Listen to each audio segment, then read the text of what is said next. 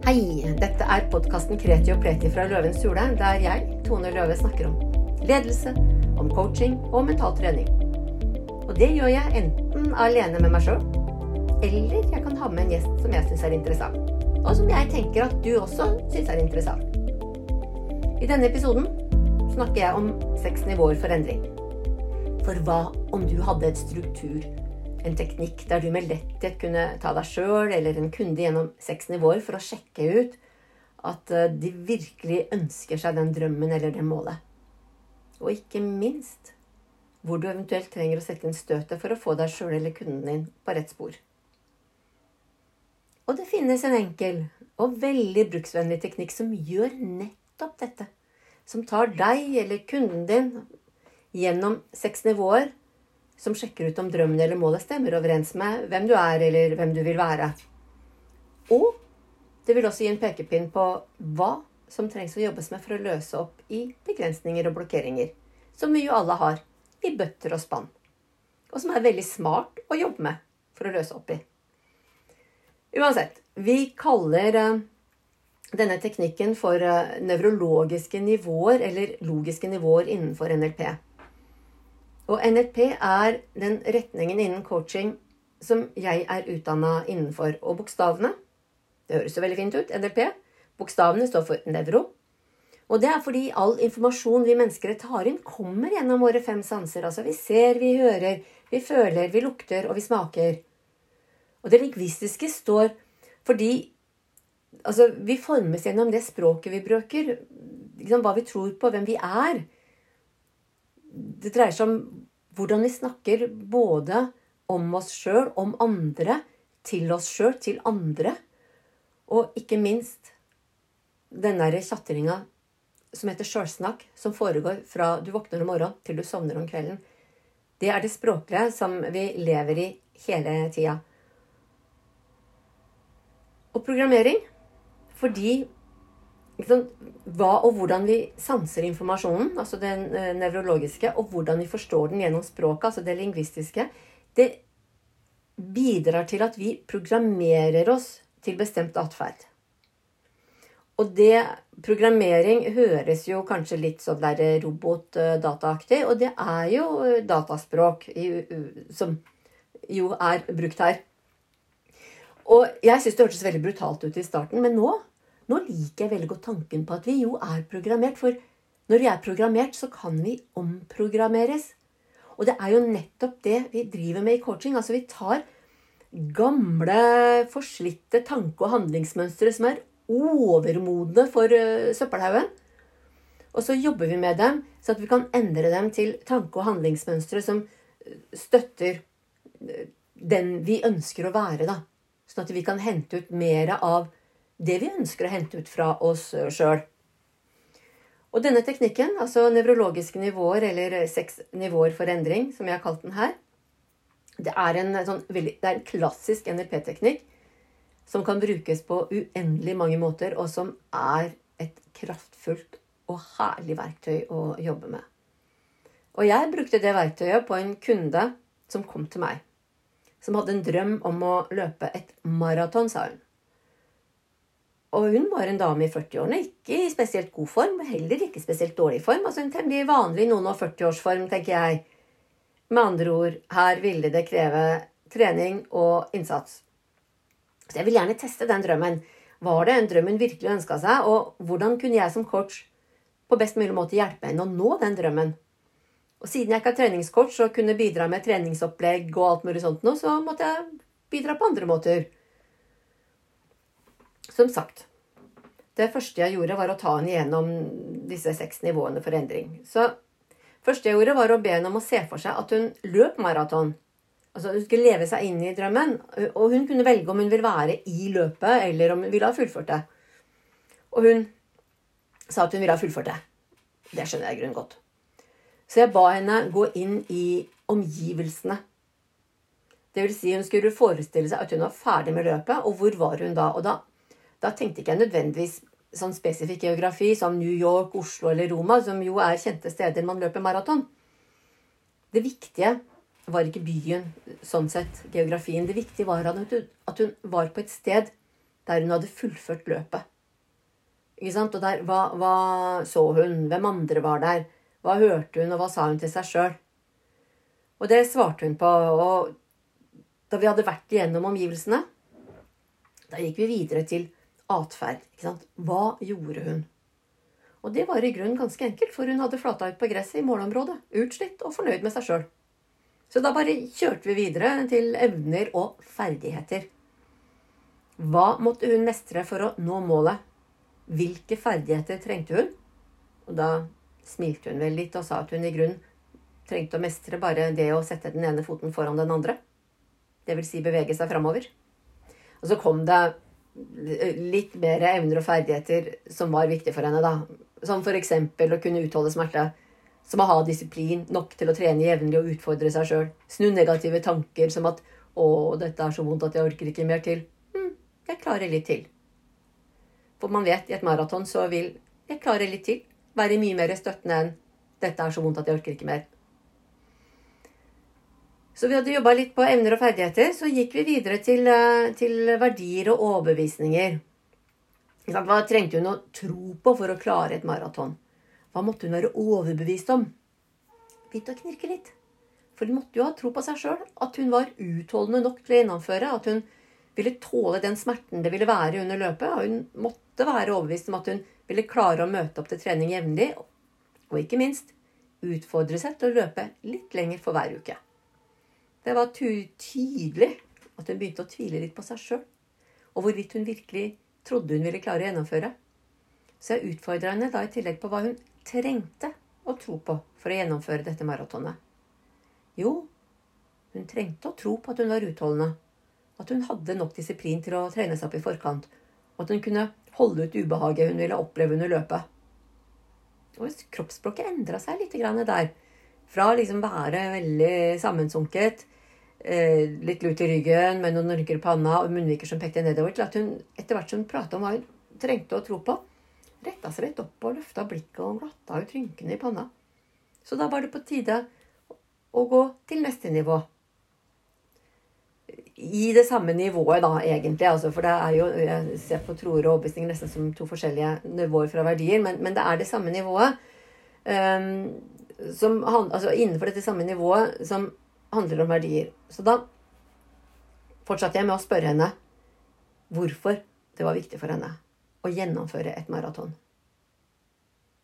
Da, altså, da var det som hun stoppa opp, og, og, så begynte hun å le litt nervøst. Altså, eller kanskje ikke nervøst, men det var en litt sånn, sånn som jeg tolka det til, en litt undrende latter. Altså, hun ikke helt skjønte hva hun lo av. Så måtte jeg leite litt før hun fant ut hvorfor det var viktig for henne. Jo, hun ville vise verden at hun kunne sette seg et heftig mål og gjennomføre det. At hun kunne utfordre seg og sine egne begrensninger. Fordi hun gjerne ville like å trene. Hun hadde også lyst til å like å løpe. Og jeg utfordra henne videre på hvorfor det var viktig for henne. Dette med å utfordre sine begrensninger.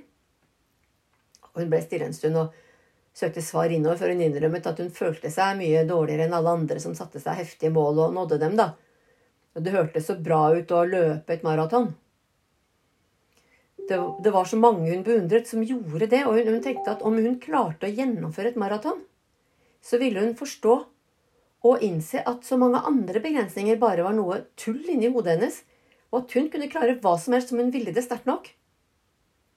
Og det som var litt pussig her, da, sånn kroppsspråksmessig, var at fra at hun hadde retta seg opp, så sank hun litt sammen igjen her. Men jeg gikk videre til eh, identitet. Så jeg utfordra henne på hvem er hun som løper maraton? Og da Altså, det var som om ansiktet hennes omtrent rykka til før hun bare begynte å le. Altså sånn hjertelig latter. Og så bare sa ja, men hun var ikke noen person som løper maraton. Det var bare ikke henne. Uansett hvor mye hun beundret mennesker som satte seg det som mål, og som gjennomførte det, så var ikke hun en person som eh, løp maraton. Og det var jo veldig spennende, så da var det egentlig bare å forkaste hele denne drømmen om maraton, da, og utforske hva hun kunne ha som mål. Fordi det var helt tydelig at hun ville ha noen mål som utfordra hennes begrensende og overbevisninger. Altså, hun ville ha et sånn heftig, stort mål som hun kunne utfordre seg sjøl på og vise at hun klarte å gjennomføre. Og hun ville at det skulle være noe fysisk aktivt, fordi hun var helt overbevist og trodde på fysisk aktivitet som en kilde til å få mer positivitet i hverdagen, da, i livet sitt. Og hun endte opp med å sette seg som mål å trene seg opp til å kunne gå i fjellet om sommeren. Og om sommeren, om lag et halvt år etter, så hadde hun gått fra hytte til hytte i ei uke. Og utfordra seg med noen mer krevende partier også, mens andre bare var kos. Så det var kanskje ikke like heftig og voldsomt som et maraton, men hun måtte jobbe, og det var utfordrende nok for henne. Jeg jo den, tok jo den drømmen og det målet også gjennom alle de eh, seks nivåene, uten at jeg skal gå nærmere inn på det her. Men det var helt tydelig da vi gjorde dette, at det var noe hun virkelig ønska seg. Og hun syntes det passa så utrolig mye bedre med hvem hun er, og hvem hun ville være. Og hun følte seg også mye mer hjemme i fellesskapet med andre turgåere enn med maratonløpere. Men altså dersom hun hadde holdt på målet om å løpe maraton, så ville jeg ha jobba med henne allikevel. Jeg ville nok ha utfordra henne en gang eller to på om det virkelig var målet hennes. Men om hun hadde holdt på det, så ville jeg jobba med verdiene hennes. Altså hvorfor det var viktig for henne, for deretter å sjekke om identiteten hennes hadde nærma seg det å være en som løper maraton, da. Så det var der jeg ville satt inn støtet. Så de seks nivåene, som du har sikkert skjønt nå, så er det de seks nivåene er omgivelser som første, og så er det atferd, og så har vi evner og ferdigheter. Og så kommer eh, verdier og troer og overbevisninger. Og så kommer identitet, og så kommer bakenfor identitet. Sånn For å ta det litt mer sånn, ikke bare kortform på de seks nivåene, så kan vi begynne med omgivelser. Når vi snakker om omgivelser og miljø, så dreier det seg om hvor og når. Altså, spørsmålene dreier seg om hvor og om når. Det handler om stedet, tida, menneskene som er involvert. For altså, vi befinner oss til enhver tid i, i, en eller annen form for sammenheng. Altså det, om det er i, sammen med familie, i, i arbeidet vårt, i fritid osv. Og, og det setter rammer for, og det påvirker vår atferd. Og det, dette dreier seg om at alt vi ser, hører, lukter og smaker, det påvirker vår opplevelse. Som hos kunden, sin, eh, kunden min, som så seg sjøl liggende utslitt på en gressmatte etter endt maraton. Uh, om jeg hadde utfordret henne, skal vi ikke se bort ifra at hun hadde kunnet kjenne lukta av gress og svette, og kanskje også kjenne blodsmak i munnen, for jeg vil jo tenke meg at et maraton det, det vil medføre blodsmak i munnen. Det er min overbevisning, i hvert fall. Altså Fokuset her på omgivelser det er sansning altså da, da, retter vi oppmerksomheten på vår sansing av verden utenfor oss. Og det vil vi også se i det språklige, gjennom at den som da er i omgivelsene, den snakker om uh, hva den observerer, hva den ser, og beskrivelser av omgivelsene, av hva den ser, og miljøet rundt. Og det som er morsomt også, når mennesker gjerne snakker om omgivelser, så vil det også synes i kroppsspråket. Fordi at eh, da vil gester og bevegelser vil gjerne være av en sånn type som beveger seg bort fra kroppen. Altså, fordi at eh, vi snakker om noe som ligger utenfor oss, så vil gestene helt naturlig nok være bort fra kroppen. Vi er jo søte, vi mennesker. Vi gjør så veldig mye som vi ikke tenker over. Neste nivå, det er atferd. Og spørsmålet det dreier seg om her, er hva? Hva gjør vi i omgivelsene? Det er tankene våre, handlingene, reaksjoner. Ikke minst hvordan vi samspiller med omgivelsene våre og menneskene rundt oss. Alt hva vi gjør. Og det morsomme, når oppmerksomheten er retta mot atferd, så vil gjerne bevegelsene gjenspeile det vi gjør. Og vi ser det også, hører det språklig gjennom bruk av ord som gjøre, handle, gå, berøre, si. Altså sånne gjøreord, da som viser at vi er i en handling. Og kunden min valgte jo å leve seg inn i atferden etter løpet var ferdig. Det vil si at hun lå på gresset helt utmatta. Hadde hun valgt å gå inn i selve løpet, så ville atferden ha vært en annen. Det ville vært at hun løp, eh, at hun bevega seg. Og det kan være hun også ville ha beskrevet hvordan hun beveget seg. altså hvorvidt det var i, Hvis det hadde vært i starten, hadde hun sikkert beskrevet at hun løp lett og energisk av gårde. Eller om hun da kanskje var i en slik periode, ville hun nok ha løpt litt subbende. Ikke fullt så øh, høye fotspark, holdt jeg på å si. hun havna jo på målet at hun skulle være på en skikkelig fjelltur. Og da vi gikk gjennom denne, denne drømmen, så valgte hun å se seg sjøl midt i aktiviteten. Ikke etter at hun var ferdig. Det er litt morsomt å legge merke til det òg.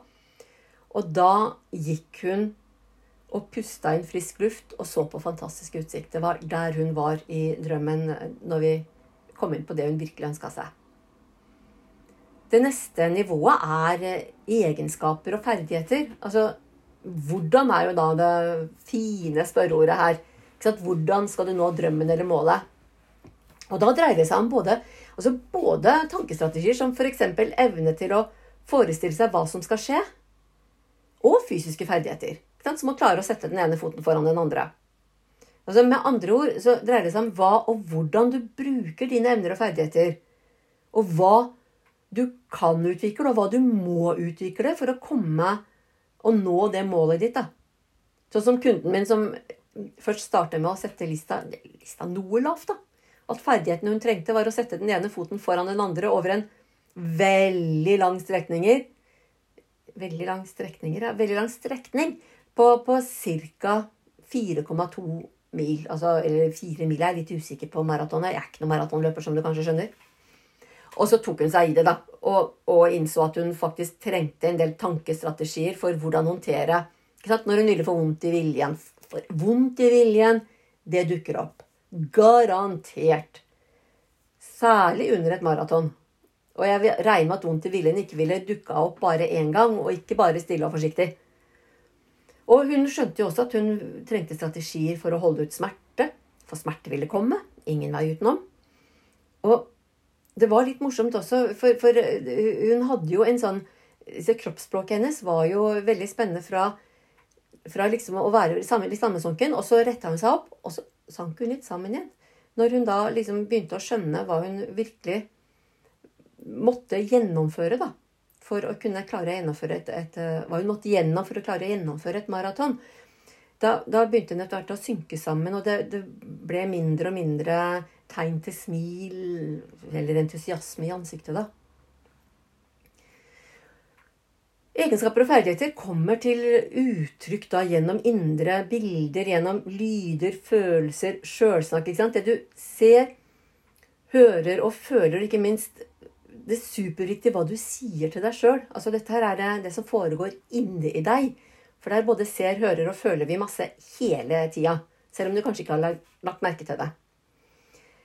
Og for oss som, er, som hører på en som er inne i en drøm, vil også kunne høre hvilket eh, nivå, om det er på nivået for evner og ferdigheter. Fordi det kommer til syne i språket gjennom ord som liksom Ja, jeg veit, jeg kan, jeg forstår, tenker, jeg klarer, og, og, sånne type ord som kan fortelle noe om hvordan og hva som skal til, altså hvilke evner og ferdigheter som kreves for å nå målet. Neste nivå er da verdier og overbevisninger, og da er det lekre spørreordet vårt hvorfor. Og det morsomme her er at vi jo stadig hører at hvorfor er et spørreord som vi ikke skal bruke. Og i hvert fall ikke vi coacher skal bruke det. Og det stemmer jo ikke, fordi hvorfor er et er knakende bra spørsmål det, når vi snakker om verdier. Og vi kan gjerne bruke hvorfor-spørsmål. Vi må bare være klar over at hvorfor-spørsmål går på verdier og hvem vi er. Så det er derfor hvorfor kan oppleves som et ganske sånn angripende spørsmål. da.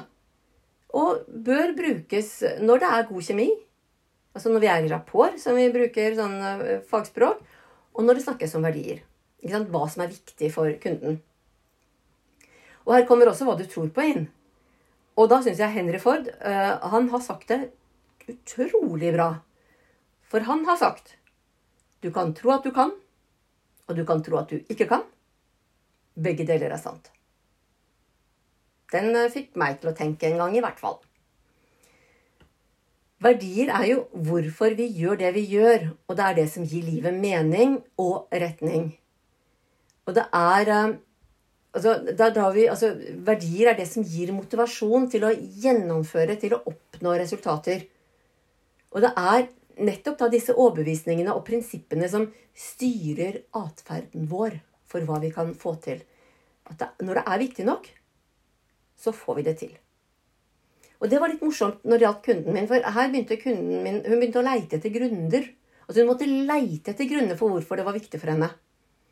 Og hun fant noen som dreide seg om mennesker hun beundret hva de gjorde. Altså det, det var veldig lite som fortalte meg at dette var noe som virkelig var viktig for henne. Jo da, hun skulle utfordre seg sjøl og overkomme begrensninger så hun kunne øke troen på at hun duger og klarer og sånn. Og, og det var ikke noe tvil om at hun var absolutt ærlig med seg sjøl der. Men jeg, samtidig så, så jeg veldig lite futt over språkbruken og kroppsspråket hennes når vi snakka om selve maratonet. Og det er, når vi, når, altså, når vi, prater om og er i kontakt med våre overbevisninger og, og, og, våre verdier Det som er litt morsomt med kroppsspråket da, det er at det ofte vil peke til våre indre organer, spesielt hjertet og magen. da. Og jeg kan, det, det kan være at du har lagt merke til at mennesker som snakker om noe som er innmari viktig for dem, så tar de seg veldig ofte til hjertet. Og sånn rent sånn språkmessig, sånn ord og uttrykk, så er det veldig ofte ord og uttrykk som, um, som drømmer, evaluerer, vurderer som uh, Hvis jeg løper dette maratonet, så betyr det at jeg klarer det jeg setter meg som mål. ikke sant? Eh, andre uttrykk som 'jeg burde', 'jeg skulle', 'jeg må', 'jeg må ikke'.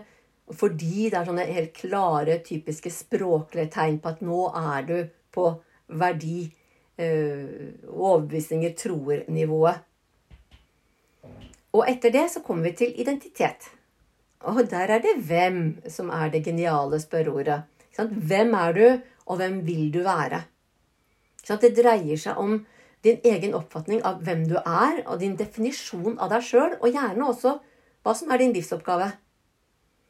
Vi uttrykker oss gjennom vår atferd, altså våre evner og ferdigheter, våre troer og overbevisninger og verdier, og så er vi også mer enn alt det der. Vår identitet, det er vår innerste kjerne, altså det som er igjen når alle tillærte mønstre og vaner er tatt bort. Og identitetene den følger ofte to spor. Det ene er som egoet, som er opptatt av overlevelse, av anerkjennelse og ambisjoner. Og det er noe som er i oss mennesker, det også. Og det er bra å ha. Og det andre sporet er mye mer opptatt av mening og hva vi kan bidra med. Hvis vi skal ta det innenfor det lykkebegrepet, så dreier det seg om den hedonistiske lykke og den eidemoniske. Nå skal jeg ikke gå mer inn på det, det kan jeg ta i en annen podkast. Men det er liksom det som er ytre. Ego er opptatt av det ytre, og da det andre sporet er opptatt av det indre. Og vi hører det gjerne på det selve språklige også, ord og uttrykk, for det brukes mye 'jeg er', ikke sant? Jeg er, I am, ich bin, je suis, som. For å si det på noen forskjellige språk. Jeg må trekke litt språk også, for det syns jeg jo er så innmari gøy. Og det var jo her når vi var på identitet at kunden min begynte å le. Og det var her hun skjønte at maraton ikke var noe for henne. Og det, altså, det, var, det var faktisk ikke viktig for henne å bevise verken for seg sjøl eller for noen andre at hun kunne klare å løpe disse 4,2 milene. Altså ja, hun beundra mange som hadde det som mål, og som gjennomførte det, men, men det var bare ikke henne. Altså, hun var en helt annen person. Hun hadde bare blitt påvirka av omgivelsene til å tro at maraton var en fin måte å overvinne seg sjøl på. Og at det var et smart mål for å utfordre seg sjøl. Og det er det for mange. Men for kunden min så var det bare tankeløshet og, og, til en viss grad et tegn på at hun hadde lytta litt for mye til ting utenfor seg sjøl, og litt for lite til seg sjøl og hva som egentlig var viktig for henne, hvem hun egentlig var. For altså, dersom hun virkelig hadde ønsket å være en person som løp maraton, ja, da kunne vi jobbe med at hun skulle tre inn i den identiteten. Men da måtte det være et inderlig ønske hos henne for at det skulle kunne fungere. Og det var det jo ikke. Og etter at vi hadde skifta mål fra maraton til utfordrende fjelltur, da var det ikke noe problem for henne å innta identiteten av en person som gikk fjellturer og nøt naturen, og som også gjør løs på stigninger som utfordra henne og hennes fysiske form. Så det var med andre ord ikke nødvendig, nødvendigvis det å holde ut et maraton eller å trene seg sterk og sprek til å gjennomføre det, som, som stoppa henne. Det, for strabasiøse dager og stigninger, det fikk hun uansett. Men hun følte seg mye mer at hun hadde identitet av en som gikk i fjellet, enn en som løp maraton. Så enkelt var det. Og så har vi det siste nivået, nemlig bakenfor identitet, som kan være visjon eller et fellesskap. Og det, det dreier seg altså om hva mer, eller hvem mer. Dette handler om vår plass i verden. Vi er en del av noe større enn oss sjøl. Det kan være noe så enkelt som familien, arbeidsplassen, lokalsamfunnet, nasjonen. Det kan være hele menneskeheten. Og på dette nivået finner vi også sånn etikk, religion, spiritualitet, livssyn. Så det dreier seg om å være en del av noe annet. En del, være en del av noe som er større enn seg sjøl, på eh, ja, si på et dypere plan. Og som påvirker, påvirker vår oppfattelse av meninga med livet og vår rolle i livet. Akkurat sånn som kunden min. Hun ønska og følte seg mye mer hjemme i et fellesskap som gikk i fjellet, enn et fellesskap som løp langt og lenger enn langt. Og hun tilføyde også at hun på fjellet følte seg i ett med naturen og hele universet. Det vil si at hun også fikk en spirituell opplevelse av, av eh, fjellturen sin. Så dette er de seks nivåer for endring. Og de litt sånn fakta om det, da. Sånn, de ble utvikla av Robert Diltz. Eller altså, om jeg skal være helt presis, så så han til um, en som het Gregory Bateson. Og det er en mann med mye kunnskap. Han var sosial, sosialantropolog, biolog, systemteoretiker og kommunikasjonsteoretiker. Han regnes som en av grunnleggerne av kybernetikken. Og ikke nok med det. Han var også en av de viktigste teoretikerne som danna bakgrunn for systemisk familieterapi. Altså, med andre ord en mann med mange talenter. Det kan vi trygt si. Og han utvikla et konsept om logiske nivåer for læring og endring. Og han tok igjen utgangspunkt um, eh, om, om uh, Altså han tok i utgangspunkt i noe som en, filosofen Bertrand Russell hadde skrevet om, altså, om logikk og matematikk. sånn at dette her, altså, Alt bygger jo på hva andre har gjort i forkant. Da. Og Robert Diltz han er jo en av de som kaller grunnleggere av NLP-en. Han var jo de, en av de første studentene av, av Richard Bandler og, John Grinder. Og han har vært med å utvikle veldig mange teknikker, Robert Diltz. da. Og det som er litt morsomt da, med Robert Diltz, akkurat denne nevrologiske nivåer For han har sagt en gang at han, han utvikla dette i NLP-sammenheng, og den ideen, og skjønte at han måtte gjøre det, det fikk han da han var på en konferanse i Oslo. Så det er alltid kjekt å få blanda Norge inn i alt som har med alt mulig Eh, nok om det. Det er i hvert fall Det var, det var eh, Hva skal jeg si for noe den, eh, Hvordan den, disse nivåene da ble utvikla. Og jeg har laga en skriftlig oversikt over de seks nivåene. Og jeg har også en struktur på teknikken som jeg brukte for å teste ut om drømmen eller målet til min kunde var noe hun virkelig ønska seg. Og da hun skifta fra drøm til maraton til fjellet, så hjalp det meg altså, så hjalp det henne å skjønne hvordan hun skulle jobbe seg fram mot målet. da. Og i tillegg ved å gå gjennom denne teknikken, så forsterka det ønsket hennes. Altså, det, det, styrket målet hennes, dette inderlige ønsket, som er så viktig for å nå mål, som jeg har snakka om tidligere. Og dette inderlige ønsket som også hjalp henne når hun møtte motstand i prosessen mot å nå dette målet. Uh, alt dette bidro, altså hjalp det å gå gjennom denne teknikken, hjalp henne med alt dette. Og det er bare å trykke på lenke, så sender jeg denne både oversikt over de seks nivåene og også strukturen på denne teknikken til deg. Og ikke nok med det, men eh, om du er en coach, så ønsker å bygge en bærekraftig bedrift, så har jeg også laga dette heftet som er fullt av tips og råd fra coacher, fra meg og, også fra flere andre coacher i bransjen. Og den kan du få ved å trykke lenka til det heftet. Så nå er det bare å gå i gang, altså. Be om å få ressursene, og bruk dem flittig. Det er min oppfordring til deg. Og da er det bare å si på gjenhør. For du har hørt en podkast fra Løve coaching.